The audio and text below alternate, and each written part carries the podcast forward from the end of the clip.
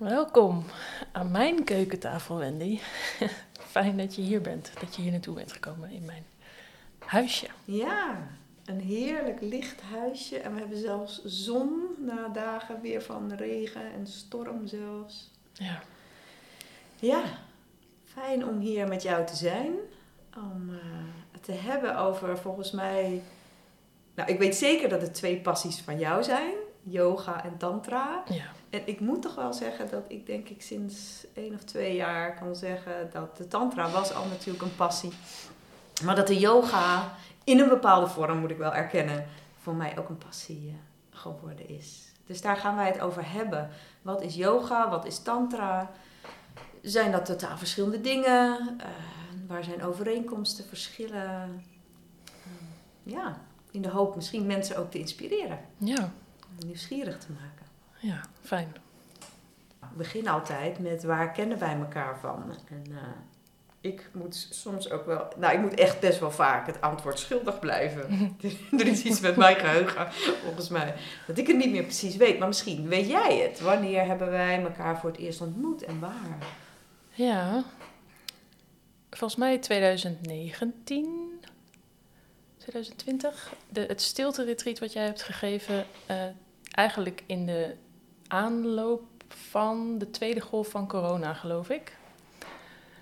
Ik ehm, was op zoek naar iemand die ook Christopher Wallace in Nederland volgde. En toen vond ik jou. Ja? En toen vond ik dus ook dat jij een stilte-workshop of een stilte-retreat gaf. Dat was een zomerretreat. ja. En ehm, Dat was echt best wel coronatijd. ja, Toch? We hebben we nog aan, we hebben ons nog aan regels gehouden. ja, ja, zeker. Ja. Ah, dat was echt nog maar de eerste. Het voelt alsof ik je al zo lang ken. En dat moet dan twee, of 2020, die zomer. Dat denk ik dan. Ja. Ja, ja want 2021 zat ik met de zomerretreat weer ergens anders. Ja. Dus dat is eh, dikke drie jaar. ja. En toen ben ik gewoon zomaar daarin gestapt, terwijl ik nog helemaal niks aan tantra verder deed. Ja. Ja. En daarna ben je gebleven, Ja, trainingen gedaan. ja. langzaam, langzaam aan. Ja. En nu eh, volgende week level 3. Dus Yes! ja, En natuurlijk, maar daar hebben we het straks vast ook nog over, dat wij een aantal keer al eh, onderdelen samen hebben gedaan. Ja. Bij zomerretreat heb jij de yoga verzorgd. We hebben, nou binnenkort hebben we de derde dag dat we yoga en tantra op één dag samenbrengen. Ja. Dus die samenwerking eh, zit er natuurlijk ook. Ja. Ja. Vast daarover straks meer. De vaste rubriek, het tantra voorwerp. Jij hebt iets uitgekozen en ik ga mijn ogen nu sluiten. En jij gaat het even pakken. Maaike loopt eh, de kamer uit. En ik eh, mag met mijn ogen dicht gaan voelen. ik had dat even verstopt. Aha, aha. Je hand ophouden. Oh, het is heel koud. Het ligt vast in een kamer, komt het vandaan waar geen verwarming aan staat. Oh, wat is het moeilijk om het niet te zeggen. Er komt gelijk een woord in me op. Ja, het is koud, het is klein. Als ik zo mijn handen op elkaar leg en mijn handen zijn niet zo groot, dan eh, verdwijnt het tussen mijn handpalmen. Het is rechthoekig, maar ook een beetje uitlopend. Alsof het dus ja, hoe moet ik dat uitleggen? En dus, dus zit iets aan. Ik kan ook een beetje geluid maken. Ik probeer het even. Ja, de microfoon te doen. En er kan ook iets aan bewegen. Oh, dus het bestaat uit allerlei laagjes. Oh, dat is echt moeilijk om uit te leggen. Zo, hoe langer ik het vasthoud, hoe warmer het wordt. Dan kan ik nog even ruiken. Ruikt dat ergens naar? Nee. Als het ergens naar ruikt, is het naar misschien de wierook die jij vast regelmatig brandt in dit huis. ja, en ondertussen door de manier waarop het beweegt, weet ik wat het is. Maar ik ga nog niks zeggen. Ik probeer het ook weer even in de eerste toestand terug te brengen. Tjoep, tjoep, tjoep. Ik zit heel stiekem te denken. Had niemand dit voorwerp al eerder ingebracht? Ik weet het niet meer, maar dat is niet erg.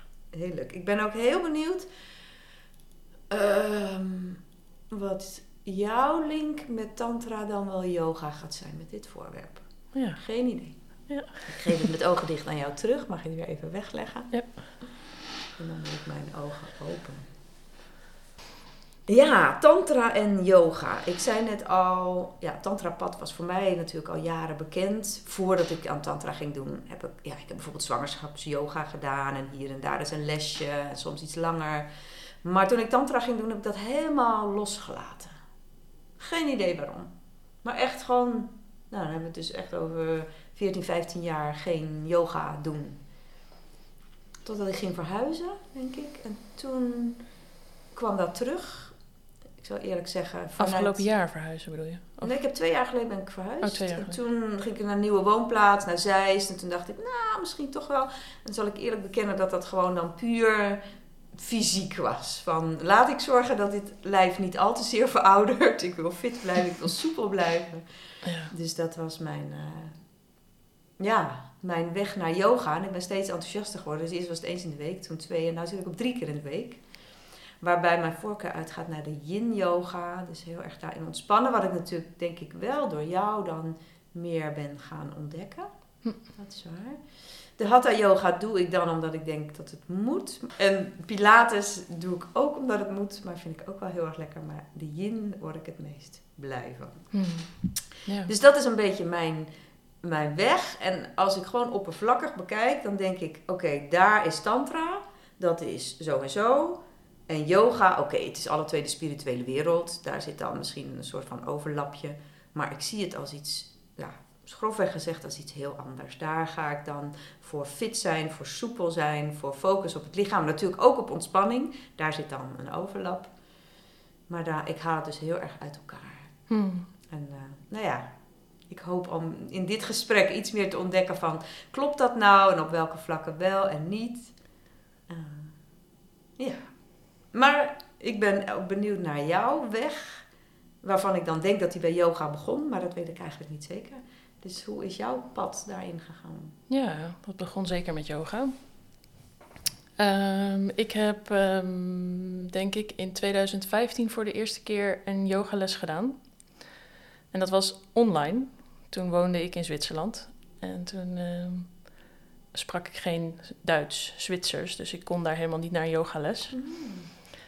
En eh, daar vond ik online een docente die van allerlei verschillende onderwerpen als yogalessen had. Dus heb je last van je rug, dan kun je deze doen. Heb je last van je bovenarm, bij, bij wijze van spreken, dan kun je deze yogales doen. Dus inderdaad, wat jij ook beschrijft, heel erg functiegericht. Van ik voel een klacht en dus ga ik een, een filmpje dan doen. Maar er zit veel meer bij. Dus ik ging daarmee ook, als ik dan last had van mijn rug, ook voelen... oh, maar er zit verdriet. Ik moet ineens huilen als ik zo'n les doe. Wauw. Er gebeurt van alles in mijn lichaam als ik er bewust bij ben. En toen ik terugkwam in Nederland, toen heb ik meer yoga gedaan, ook bij verschillende yogascholen.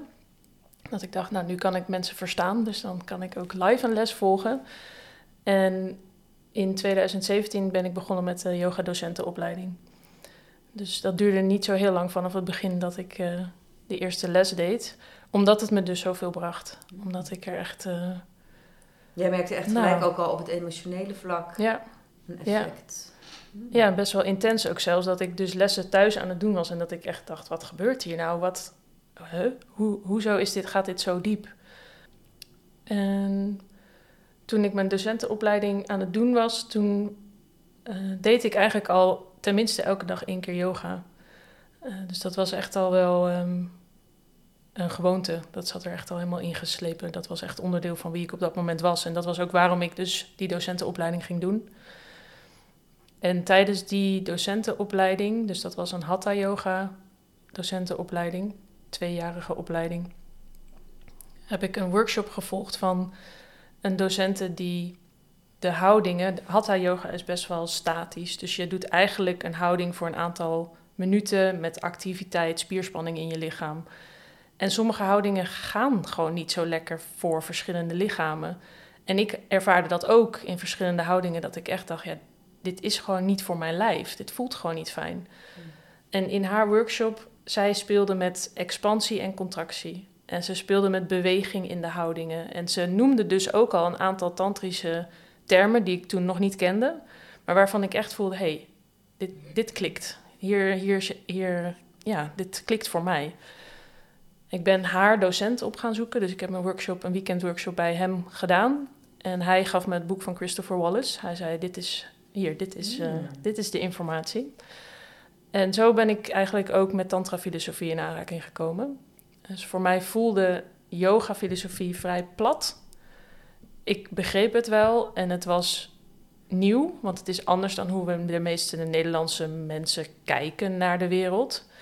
En ik vond het interessant. Maar toen ik de tantra-filosofie ging lezen, toen klikte het. Toen voelde ik heel erg, dit is hoe ik de wereld beleef. Hmm. Dit is hoe het voor mij ook is.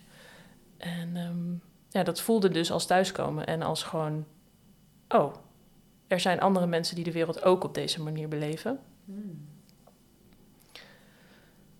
Ehm, ja, toen ben ik les gaan geven. En ik heb ongeveer alle filmpjes van Christopher Wallace op YouTube geluisterd in mijn hele proces van werken en nou ja, reizen, dat je dan uh, van alles kunt luisteren natuurlijk. Dus voor mij, en ik heb zijn boeken gelezen, ik ben sowieso echt een boekenwurm, dus ik heb heel veel kennis vanuit boeken en dan zelf op de mat toepassen en dan lesgeven en dan zien wat dat doet, wat het, dat het doet bij mensen. En nou, na een tijdje dacht ik, goh, interessant dat ik me zo thuis voel bij deze man die op dat moment nog in Amerika woonde ik voelde niet de beweging om naar Amerika toe te gaan, om daar hem op te zoeken. Ehm, toen is hij verhuisd naar Portugal, dus kwam hij al ietsje dichterbij. Maar toen dacht ik, ja, is er niet iemand in Nederland die ook iets doet met wat zijn hmm. lesstof is? En ehm, toen vond ik dus jou online. En toen dacht ik, nou, dit is zo bizar, want jij woont acht kilometer bij mij vandaan. Op dat moment woonde je acht kilometer bij mij vandaan. En, uh, dat heb jij nog eens benoemd, de herinnering nu. Ja, ja, ik vond dat zo bizar. Ja. En ik weet ook nog heel goed dat ik tijdens die stilte-retreat... Het was voor mij ook de eerste stilte-retreat ooit. Had ik nog nooit eerder meegemaakt. Ik had nog nooit eerder in een groep met mensen gezeten... die dezelfde kijkwijze, zienswijze hadden op de wereld. En ik weet ook nog dat ik het echt heel moeilijk vond om stil te zijn. En volgens mij is het ook één keer niet gelukt. dat, ik gewoon, dat jij iets aan het vertellen was. En dat dus al die mensen naar jou zaten te luisteren. en dat ik daar om me heen zat te kijken en echt dacht: vinden jullie dit ook allemaal interessant? Zijn jullie, zien jullie de wereld ook op deze manier? Oh, dus dat was voor mij echt thuiskomen. Dat ik echt dacht: wow, wauw, ik kan met deze mensen praten. Hoe ik de wereld beleef, mm. kan ik met deze mensen delen. Ja. ja. Hey, en misschien moeten we even terug. Ik ga er een beetje van uit dat mensen die naar deze aflevering luisteren. Uh, meer podcasts van mij hebben geluisterd, zodat ze een beeld hebben van hoe ik Tantra zie. Mm. Want over de betekenis van Tantra kunnen we ook al heel lang praten. En ik denk ook dat veel mensen, nou eigenlijk bijna iedereen in het Westen, denk ik dan, in ieder geval binnen onze bubbel, een idee hebben of weten wat yoga is. Maar misschien wil je daar toch ook iets over zeggen. De betekenis van het woord, die volgens mij ook op veel manieren kan opvatten, net zoals eigenlijk bij Tantra. Dus wat betekent yoga voor jou? Hmm. Ja, ja, er zijn inderdaad veel manieren waarop mensen dit interpreteren. Zeker in het Westen nu. Ehm, zoals je eigenlijk zelf al noemde, is tegenwoordig yoga vaak eigenlijk een soort rek- en strekklas in de sportschool. Ja. Dat is ook waarom ik het niet zo fijn vind om bij yogascholen les te geven. Uh, omdat mijn lessen vaak niet zo zijn. Ja. Dus daar zit wat meer diepgang, wat meer lagen zitten daarin. Of eigenlijk, ik zeg vaak, maar altijd. Yoga betekent union, dus één woorden, uh, is één van de uitleggen van het woord. En het gaat dan over één woorden van lichaam, geest. Lichaam, mind, body en mind. Um, daar zijn, als je daarin gaat duiken, dan, dan spreidt dat zich zo uit over. Er zijn allerlei lagen daarin. In, uh, yoga is eigenlijk asana. Dat is eigenlijk wat wij kennen als de rek- en strekoefeningen in de sportschool. Dus asana betekent letterlijk houding. Je doet een houding. Maar dat is maar één van eigenlijk de acht limbs of yoga, zo noemen ze dat. Ja. Ehm, dus bijvoorbeeld meditatie is er ook een van. Maar ook het terugtrekken van de zintuigen, dus niet continu naar buiten uitreiken, is er ook een van. En dat noemen ze ja, yama's en niyama's. Dus dat is eigenlijk de, de basis daarvan. Ik heb hier een boek voor me liggen waar die acht yama's en niyama's in staan. Maar dat, ja, dat is misschien te veel detail om dat nu te vertellen. Dat weet ik niet zo goed. Het, ehm, Nou ja, in ieder geval al voor sommige mensen zal het onbekend zijn dat yoga meer is dan een aantal houdingen aannemen. ja. Dus jij zegt daar zit gewoon een heel pad achter. Komt dit dan uit de Yoga Sutras van Patanjali? Zeker. Dat, dat is zeg maar een soort van, volgens Ja. mij, de basis toch? Als, als, als document, als geschrift voor, ik denk de Hatha Yoga. Ja. Dus yoga komt inderdaad vanuit India. Eigenlijk is het daar, is het, dat is dus de oorsprong ervan. Vergelijkbaar met tantra dus. Ja. En wat, waar de houdingen daarvoor waren, was om stil te kunnen zitten.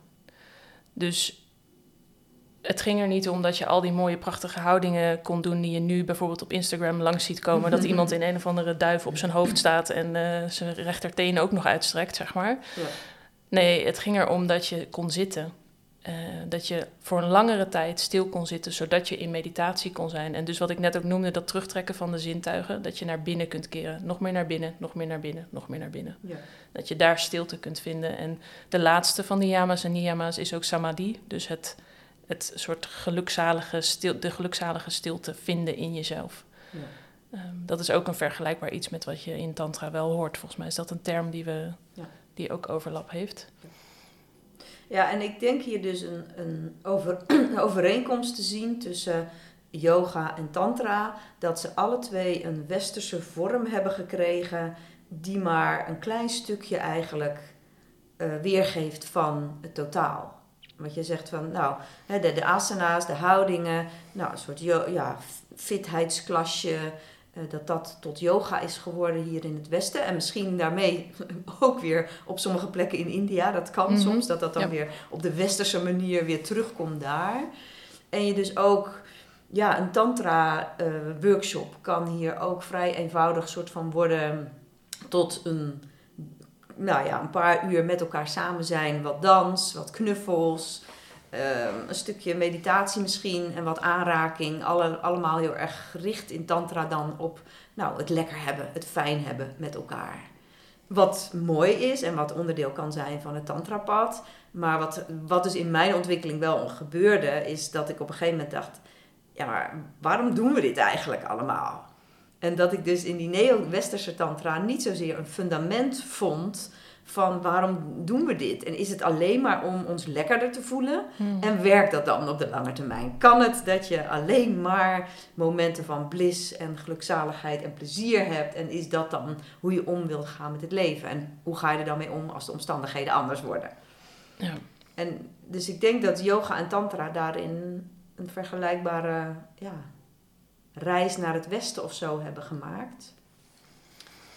Ja, en ik denk dat de, de verbinding vooral in yoga, maar misschien is dat in tantra wel hetzelfde, dat het verbinden van dus je gevoelsleven, je lichaam en je mind, dus je gedachten, dat die verbinding in yogalessen vaak mist. En dat je dan dus alleen maar met je lichaam bezig bent en eigenlijk niet eens aan de binnenkant aan het voelen bent, maar meer kijken naar wat de juf doet en dat nadoen. En Ja. dat is dan goed voor je. Ja. En bijvoorbeeld iets wat ik vaak doe en jarenlang heb gedaan, is lesgeven met een blinddoek op. Oh, wauw. Want ik merkte dat het gewoon onmogelijk was om tegen mensen te zeggen: het maakt niet uit wat je buurvrouw doet, het Nee. maakt niet uit hoe ik toch het naar doe. Maaike kijken. Ja, ja, ja. En dan eh, dat mensen aan het einde van de les bij mij komen en zeggen: ja, ik kan echt niet mijn eh, rechterteen zo ver naar achter op de mat zetten. En dan denk ik: ja, Oh, Ja, maar-. Ja, precies. En daar, daar ging ik dan wel over nadenken van, maar hoe krijg ik het dan voor elkaar dat mensen inderdaad stoppen met vergelijken, stoppen met kijken en naar binnen gaan en gaan voelen in hun lijf. Oké, de uitnodiging is dat ik mijn rechterbovenbeen voel.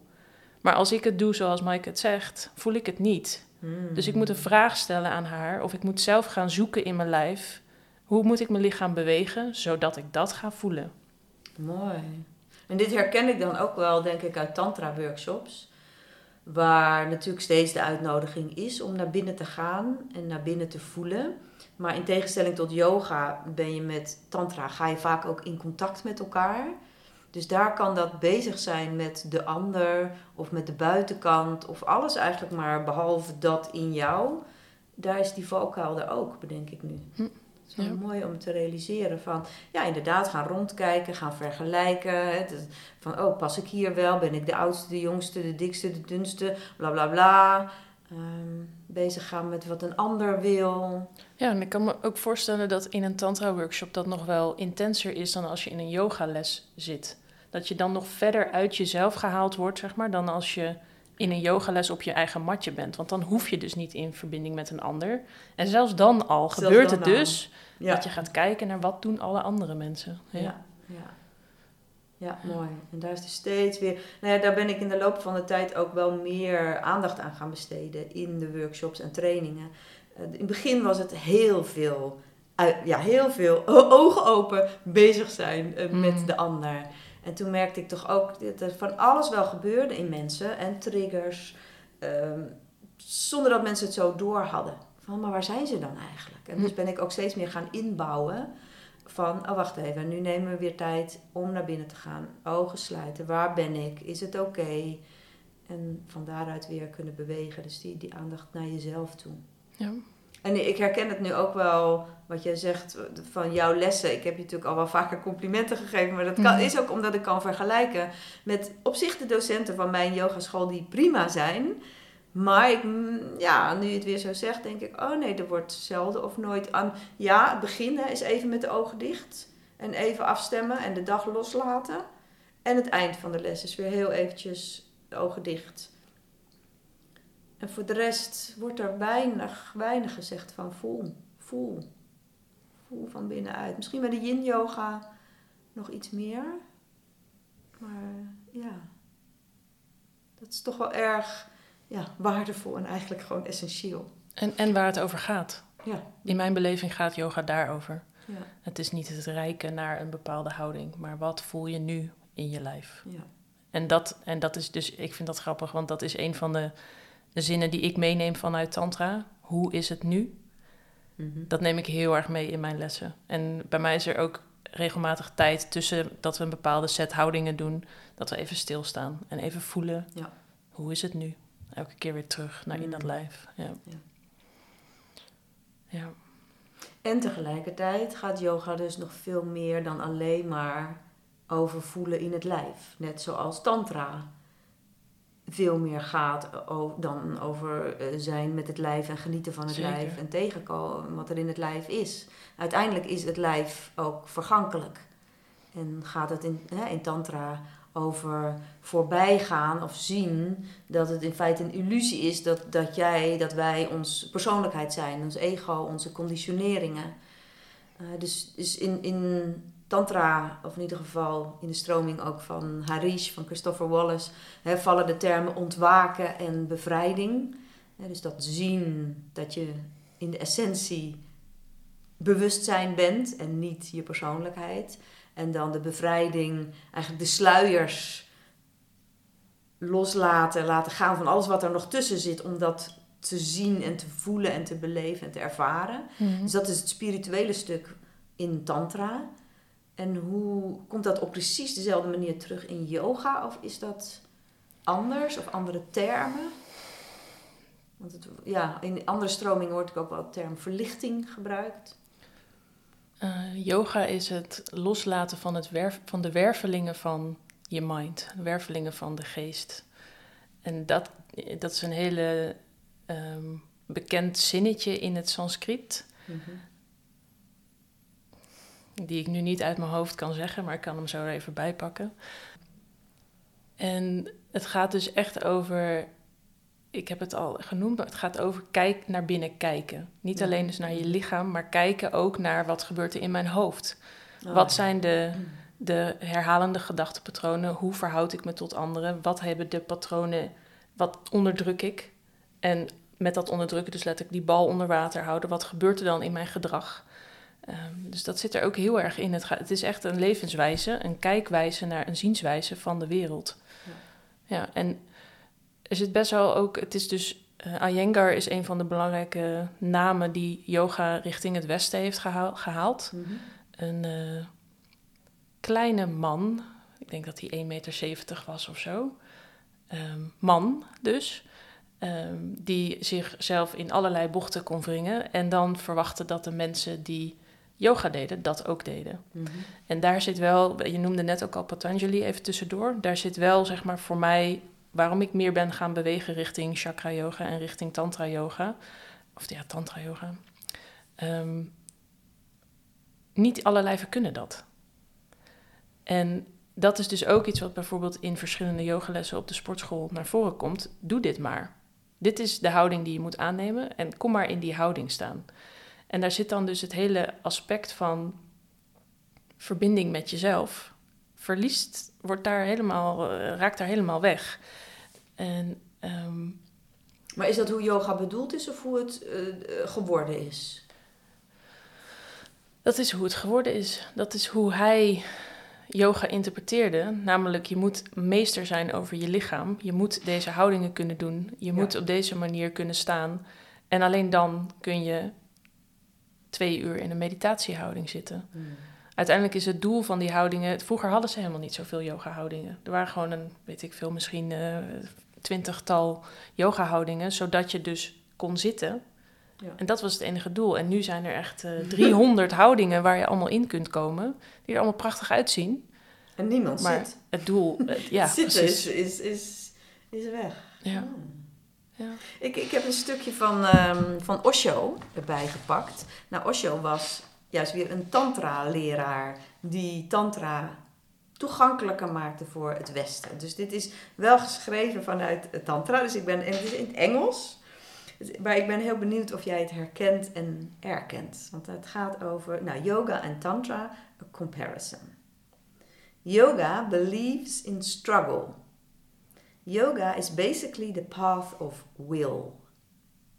Tantra does not believe in a struggle. Tantra is not the path of will. Rather, on the contrary, Tantra is the path of total surrender. Your will is not needed. For Tantra, your will is the problem, the source of all anguish.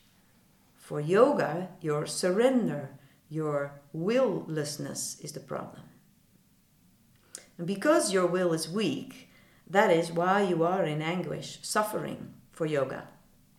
For Tantra, because you have a will, because you have an ego, an individuality, that is why you are suffering.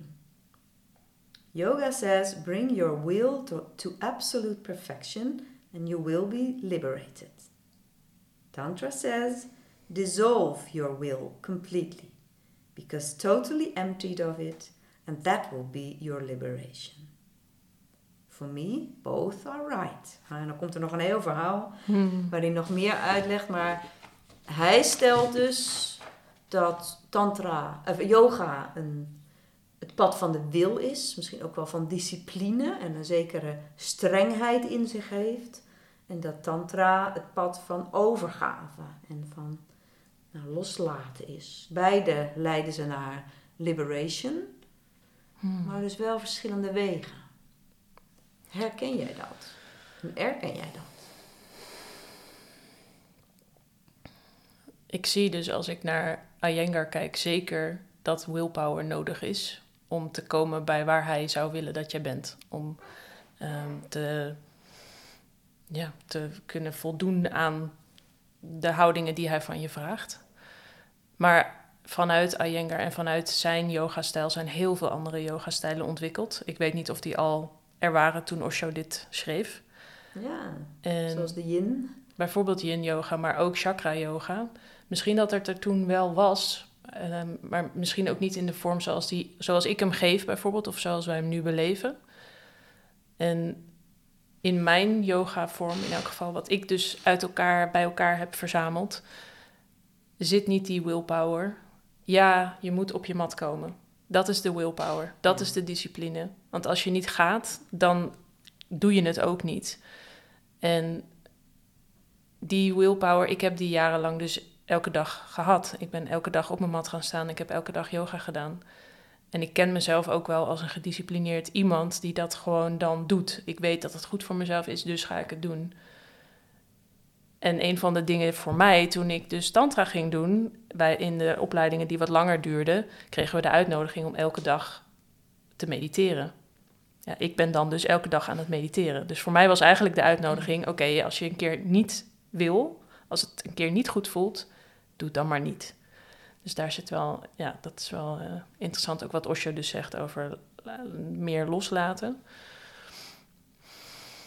Ja, en tegelijkertijd zou ik er tegen in willen brengen van, hallo Osho, um, het is niet alleen maar surrender, want dat kan ook leiden tot, ach ja, dit, dat.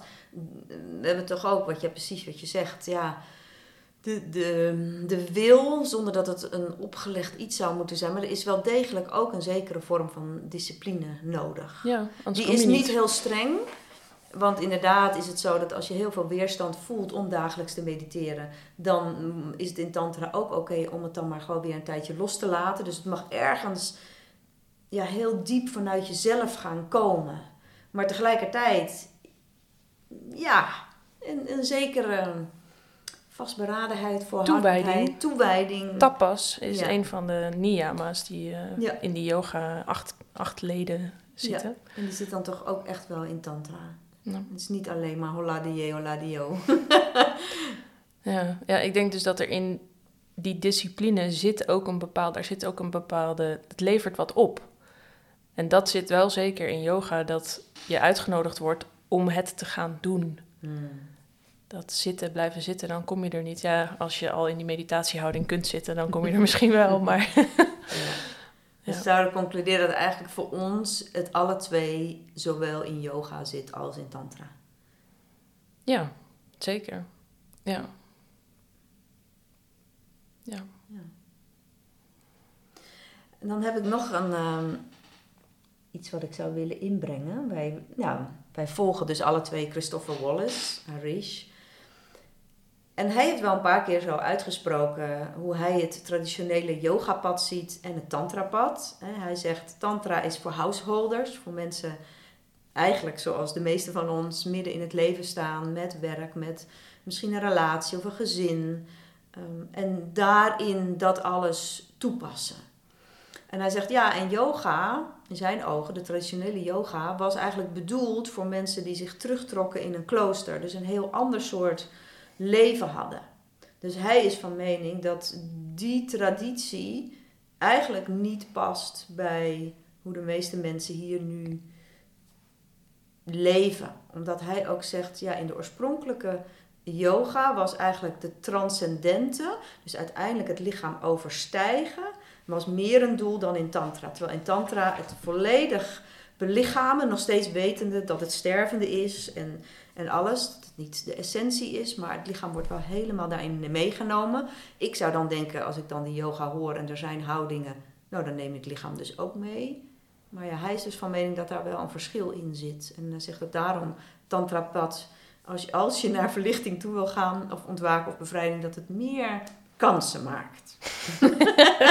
Uit een keertje zei hij van, ja, er zijn intussen miljoenen mensen op aarde die yoga doen. En, en ik ken toch ontzettend weinig verlichte yoga mensen. ja, ik kan dat niet controleren, dus ik weet niet of het waar is. Maar ja, hoe zie jij dat? Ja, de, de, ik denk dus dat hij dan echt kijkt naar de traditionele, traditionele yoga zoals die in India dan dus uh, ontstaan is. Mhm. Nogmaals, richting dat zitten voor eindeloze tijd in je eentje op een steen onder een boom. Um, want daarin ben je dan verlicht. Um, ja. ja. dat is natuurlijk niet te doen als je gewoon een gezin hebt en uh, kinderen. Dat, nee. dat is dan niet de oplossing. Alleen is yoga in de loop der jaren zo veranderd en zo ja, meer geworden dat het in je dagelijks leven in te passen is dat zijn stelling niet opgaat voor bijvoorbeeld de yogalessen die ik geef. Hmm. Die, ja, daar, dat kun je gewoon, je, zeg, bijvoorbeeld yin yoga zou je ook, mijn docenten toen ik bij haar les had, die had hele jonge kinderen en die deed gewoon eigenlijk de hele dag yin yoga. Dan zaten haar kinderen ergens te spelen en dan zat zij gewoon in een yin yoga houding. Omdat je gewoon, ja, het, is, het wordt net als met tantra, wordt het gewoon onderdeel van je dagelijks leven. En ja. verdiep en, en zak je steeds meer dan in je lichaam door die houdingen te doen. En yin yoga is daar eh, uitermate geschikt voor, omdat je gewoon stil zit in een bepaalde houding of stil ligt in een bepaalde houding. Ja, ja dus dan gaat het ook alle twee over integratie. dat je yoga doe je niet alleen maar op je mat, die, nou ja, in jouw geval misschien een uur per dag, maar de meeste mensen dan een uur per week. Maar bij Tantra zeggen we natuurlijk ook, je doet yoga, je doet tantra niet alleen maar tijdens die workshop of tijdens die retreat. Dat is allemaal prachtig en dat helpt enorm om daar de begeleiding te hebben, net zoals het helpt bij een yogales om begeleiding te hebben. Maar de daadwerkelijke toepassing gebeurt gewoon in het dagelijks leven, in de emoties die je tegenkomt, in de spanningen in je lijf die je tegenkomt, in het mogen genieten van dingen en daar misschien dingen in tegenkomen. Ik, ik zeg ook vaak, de echte yoga begint nu, als de les is afgelopen. Ja. Dus het is, ja, dit is oefenen. Op de mat is oefenen. Ja. En daarna zijn, ben je in het echte leven en heb je hopelijk geoefend wat er gebeurt als je in jezelf, als je die emotie boosheid hebt gevoeld. En kun je voelen dat het door je heen beweegt in plaats van direct reageren. Dat is echt wel. Dus dat is weer dat het in de innerlijke beleving zijn. Bewust van wat is er gaande in mij. En dat is natuurlijk in Tantra in feite ook wat we doen. De aandacht naar binnen brengen. Wat gebeurt daar? Ehm, en daar steeds weer bewust van zijn. En dan wellicht ook technieken hebben. Hè, bijvoorbeeld nou, de emotional digesting noem ik er eentje uit Tantra. Ehm, hè, van oké, en hoe kan ik dan ook op een gezonde manier omgaan en te voorkomen dat dingen zich helemaal vastzetten, waardoor mijn levensenergie uh, stagneert eigenlijk. Ja. Ja, en in de yogalessen die ik geef, werk ik ook vaak met thema's. En zeker chakra, de chakra-psychologie, die leent zich echt heel erg goed voor thema's toepassen in lessen. En je kunt dan leren hoe het voelt in je lichaam als er een bepaald thema wordt aangesproken. Dus mm. bijvoorbeeld veiligheid zit in je eerste chakra, echt in je basis. Als je daar oefeningen voor doet om daar contact mee te maken, dan kun je ook gaan voelen hoe het is als je daar geen contact mee hebt. Mm. En steeds subtieler gaan voelen van oké, ik voel me nu blijkbaar onveilig. Er is nu iets in mijn omgeving waardoor ik me niet veilig voel. Ja. En hopelijk heb je dan uit de les handvatten meegekregen Waardoor je kunt voelen, oh ja, maar als ik nu stevig ga staan, alle vier de hoeken van mijn voeten voel, iets door mijn knieën buig en mijn bekken wat kantel, zodat ik echt in dat bekkengebied kan zakken, hmm. mijn benen kan voelen. Ja, dat, dat is waar ik mijn lessen voor geef. Dat je die tools hebt om tijdens je dagelijks leven dat te kunnen voelen. En dus in jezelf in balans te kunnen zijn. En van daaruit mag je dan weer tantra beoefenen met iemand anders. Ja, heel goed. Heel goed. Ja, ik moet natuurlijk nu denken aan de, de, de avondcursus. Daar begon eigenlijk onze samenwerking. Ja, ja. En ja, dat, ik vond dat echt ook heel erg fijn om dus een aantal houdingen te doen, zoals jij ze uitlegde, die heel erg bij de thema's van de chakra's pasten. Dat uh, was een prachtige combinatie. Ja, dus mijn, mijn doel is dan ook echt om uitleg te geven van dit is een thema, dit is iets wat er ook daadwerkelijk in je dagelijks leven kan gebeuren. En dit zijn de tools ja. voor jezelf. Ja. Neem dat mee naar huis. Ja, ik zit nou even zo te denken van ehm, als ik dan aan mijn eigen yogaschool denk. Ik denk, goh, hoe zouden de docenten daar. Ik verwacht niet dat ze onmiddellijk veel tantra kunnen integreren. Want dat vraagt gewoon een enorme kennis en helemaal in de tantra-wereld stappen. Wat jij dan als een van de weinigen denk ik wel kunt combineren. Maar dat, dat inbrengen van toch wat meer filosofie. Wat ik toch wel, ja, ik denk dat het de lessen boeiender maakt. Nou is natuurlijk een les van, de meeste lessen duren een uur. Dus dat is super kort. Maar stel dat er yoga-docenten luisteren die nu denken van ja, ja, het is wel waar. Misschien dat mijn lessen ook wel wat, wat eenzijdig zijn geworden. Ik neem aan dat iedereen het in zijn opleiding wel hmm. heeft meegekregen. Of ook maar beperkt. Er zijn hele verschillende opleidingen om yoga-docent te worden. Uh, volgens mij is het verplicht dat er een stuk filosofie in de opleidingen zit. Dus iedereen zal bijvoorbeeld de Bhagavad Gita is een boek ik vermoed dat dat verplicht, verplichte kost is. En daar zit mhm. een heel groot stuk uitleg over ehm, ja, de basis eigenlijk van yoga en de filosofie echt van yoga. Ehm, maar dat moet je wel liggen. Daar, ja, dat moet wel zijn. Ja, het weven van die filosofie door de lessen heen, door de houdingen heen die je geeft, dat moet je wel liggen dat dat ook jouw interesse is. En Ja. er zijn zoveel verschillende vormen yoga. Eh, bijvoorbeeld een flowles of een vinyasa les. Ik zou niet weten hoe je daar ook filosofie doorheen moet weven. Want dan ben je zoveel aan het cueën van... en nu gaan we dit en nu dat en dat en dat Ja. en dat. Ja. Dan- Ja, het is wel ingewikkeld om dat er ook doorheen te weven. Nou, het zou wel mooi zijn, bijvoorbeeld bij mijn school zijn er ontzettend veel lessen. Dat er een keer een les is yoga-filosofie. Ja, zeker. En, en natuurlijk, het vraagt een andere insteek. Hè? Van, ja, de, de insteek van de fit girl. een mooi pakje aan en mooie houdingen. En ja, ik gaf het zelf natuurlijk ook toe. van Oké, ik wil dat het lichaam Hmm. fit blijft en jong blijft. Dus daarom doe ik het. Eh, in tantra bijvoorbeeld, nou, ik wil gewoon leuk mensen ontmoeten en gewoon lekker bezig zijn. Hmm. En dat is natuurlijk ook allemaal prima en heerlijk.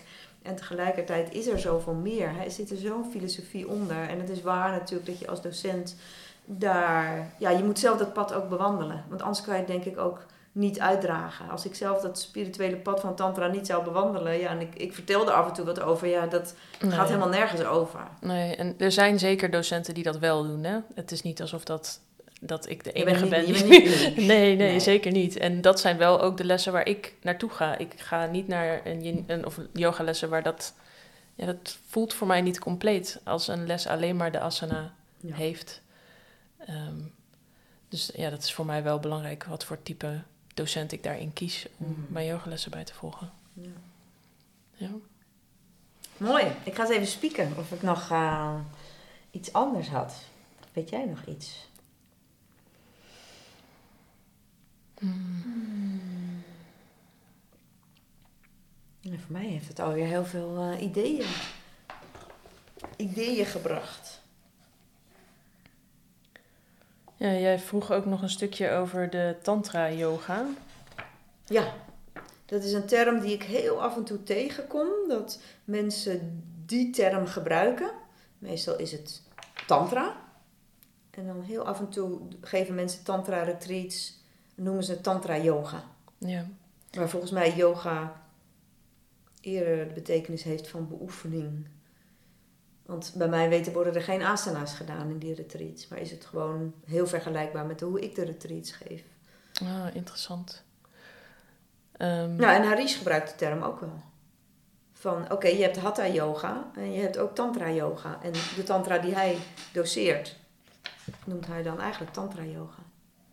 Ik denk dat dit zo'n geval is van allerlei verschillende definities voor ja, een term. Ik heb het opgezocht even in een boek. En daar zeggen ze: Whereas Hatha Yoga attains this through stillness of breath as prana, and Mantra Yoga through mastery of the mind as pranic sound vibrations.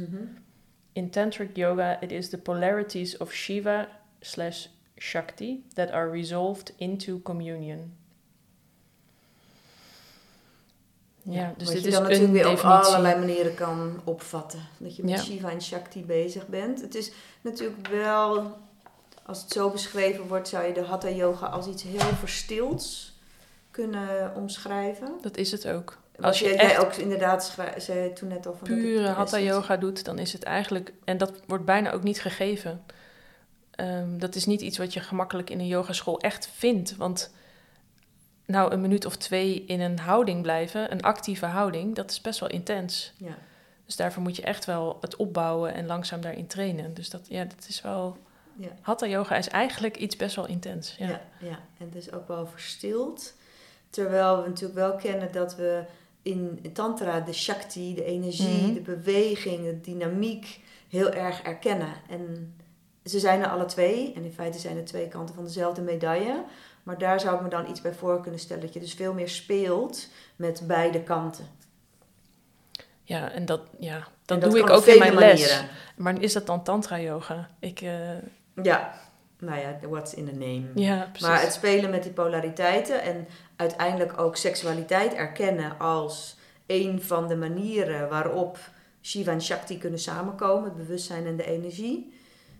Ik kan me voorstellen dat dat in de oorspronkelijke yoga dus niet het geval was. Hè? Mensen Zeker in een klooster, dan trek je Nee. je terug oh, en dan doe je niet meer aan seks. Klopt. Dus Ja. daar zitten dan toch wel, ja, de, de verschillen die we, die we eigenlijk ook al wel weten. Ja. En kennen. Ja. Ja. Oké, binnenkort, tenminste weet ik niet wanneer mensen deze podcastaflevering luisteren, maar nu is het nog binnenkort, gaan wij eh, weer een dag samen geven, 25 november. Ja. En eh, ik vind het altijd heerlijk, want ik kan gewoon meedoen met Ja. de yoga. En jij kan deels meedoen met de tantra altijd. Dat kijken Ja. we altijd. Dus dat wordt vast weer een mooie dag om het te combineren. Ja. Want, eh, ik, wat ik mooi vind in jouw lessen, dat jij dus... Nou ja, van de yin yoga gebruik je eigenlijk ook wel de Chinese filosofie. Zeker. Dus eigenlijk wel weer Ja. een andere Eh, yin, yoga, yin yoga is ook helemaal niet, komt niet uit India, is niet Nee. dezelfde, heeft niet dezelfde oorsprong. Nee. Hele andere oorsprong, andere ontwikkelaar. Ehm, het bestaat ook nog niet zo lang als eh, Hatha yoga bijvoorbeeld. Ehm, en het, gaat ook, het werkt ook in op een heel ander deel van je lichaam. Want gewo- gewone yoga, hatha yoga, maar ook chakra yoga, alle yoga die actief is, zeg maar, waar het gaat over spierspanning, ja, is dus gericht op spieren en sterker worden en eh, je, je, spierweefsel, terwijl yin yoga gaat over bindweefsel. Ehm, dus bij yin yoga blijf je langere tijd in een houding, maar dan zonder spierspanning. Dus je bent helemaal in ontspanning in een bepaalde houding. Ehm, ja, het is gewoon een hele andere. Nou ja, en waarom ik ook weet, ik weet het omdat jij dan, hè, jij kijkt ook al heel erg van, oké, wanneer vindt de workshop plaats? Ah, ja, hè? ja. Waar zitten we dan in de seizoenen en in de tijd van het jaar? Maar jij gebruikt ook de meridianen. Zeker. Hè? Ja, Dus ja, het gaat over bindweefsel, maar het gaat ook over meridianen. En dat zijn weer energiebanen die we in tantra dan nadis noemen. De Indiaanse filosofie zegt nadis en de Chinese zegt meridianen. ja, en die meridianen, het idee is dat die door het bindweefsel heen lopen. Dus dat we Ah. in het bindweefsel de meridianen stimuleren. Ja. Hè, hè? Zo, Ja. ik heb hem ook Hm, al ja. die tijd. Ja, Ja. dat is het idee. En oké, weet je het nog, 25 november? Ik zat erna, eh, nou ja, de herfst is in ieder geval nu lekker begonnen. We gaan dan al richting de winter. We gaan, het gaat over, In, de energetische, ja, in het energetische se- seizoen zitten we dan echt nog in de herfst. Ja, Het is dan nog herfsttijd. ja. Ja. ja, en het gaat over loslaten. Dat het thema van de herfst is loslaten. Letterlijk, als je naar buiten kijkt, is het nu ook wat er gebeurt. Hè? In de Ja. storm die nu buiten woedt, laten de bladeren los van de bomen. Ehm, en het gaat heel erg over kiezen, keuzes maken. Ehm, het element metaal is dan heel erg aanwezig. De Chinezen die erkennen andere eh, Ja, energietypes. En eh, metaal kun je voor je zien als een mes die snijdt en die dus schikt en scheidt, keuzes maakt. Dit wil ik wel nog houden, dit niet in mijn leven. En verbinden dus met dat element zorgt ervoor dat je in balans kunt zijn, in het midden kunt zijn en vanuit dat midden kunt gaan kiezen. Dus vanuit dat midden kunt zeggen, dit past eigenlijk niet meer echt zo bij mij. En voordat ik de winter Mm. inga, voordat ik de rust inga van de winter, doe ik dat alvast weg. Ja, Over metaal gesproken, is dat een leuk bruggetje? ja een heel leuk bruggetje. Ja, ja, een nagelknippertje. ja. Ja. En ik, ik, ik zat dus te denken, heb ik die ooit eerder gehad? En dan ging het over de-armoring en, en korte nagels hebben. Want anders konden we geen de-armoring geven. Ik geen idee of dat ook echt een, een podcastaflevering is geweest. maar wat is voor jou de link met yoga en tantra? Ja, voor mij is het ehm, een van de dingen die ik dus in mijn opleiding heb geleerd is saucha. Dat is reinheid. Dat is ook een van de yama's en niyama's. En eh, dat is een van de hele belangrijke waarden ook in yoga. En zeker dus als docent. Dat je echt oplet, oké, ik sta voor de groep. Ik ben daarmee ook het toonbeeld van yoga. En dus Mm. zijn mijn nagels kort geknipt en zijn ze schoon. En laat ik zien dat ik schoon ben en dat dat bijdraagt aan mijn beoefening van yoga. Ja. Dus er zit, ja, er zit een heel eh, stuk filosofie ook nog achter. En is er dan ook nog een link met tantra? De tantra-link heb jij net eigenlijk Oh, genoemd. dat was, ah, die, Ja. die was al vanzelf erin. Ja. Ja. Daar was, ja, en dan moeten we wel erkennen, oké, is die armoring tantra? Oké, het zit in mijn workshops. en het is een vorm van druk, drukpuntmassage, waar je soms best wel diep het lichaam in gaat. En dan zijn lange nagels absoluut niet, eh, Mhm. niet prettig. Ehm, Ja, Is dat ik echte kijk tantra? even naar mijn nagels. Wat zei je? Is dat echte tantra? Dat weet ik dan niet. Maar voor mij, ik heb dat heel erg verbonden aan tantra nu. Ja. Ja. Nou ja, de neotantra, daar past het prachtig. Alles past binnen neotantra. maar als we aan Harish zouden vragen, is die armoring tantra? Nou, dan Ah. weten we natuurlijk al. Allereerst zal hij niet weten wat die armoring is. maar dan weten we zijn mening, denk ik al. Hmm. Ja. Mooi. Wil jij nog iets toevoegen? Gaan in de show notes zetten we even de informatie over jouw lessen. Ja. Chakra yoga, yin yoga. Ik geef ook mindful hatha yoga. Daar combineer ik dat allemaal een beetje Oh, met elkaar. mooi. Ja. En veel in gewone lessen live, maar heel soms ook op maandagavond. je Op maandagavond geef ik een online les. Online. Dus Dus, dan voor kun de je, hele wereld kan toegankelijk. iedereen meedoen. Ja. En kan Ja. ook prima, hè? Ja, ja, dat gaat heel goed. Dat is echt een. eh, gewoon lekker in je eigen huis en eh, in je eigen rust. En ik zorg, ik wil dat, je, dat ik je kan zien, dus ik, kan, ik kijk altijd mee op het scherm wat er aan de hand is. En eh, ja, dat, mensen zijn daar blij mee. Dus dat Ja. gaat goed. Ja. Ehm, ja, en maandag en woensdagavond zijn de dagen dat ik les geef en ik geef regelmatig workshops. Dus nu ook eentje samen met jou, maar ik geef, doe, doe dat ook zelf. Ja.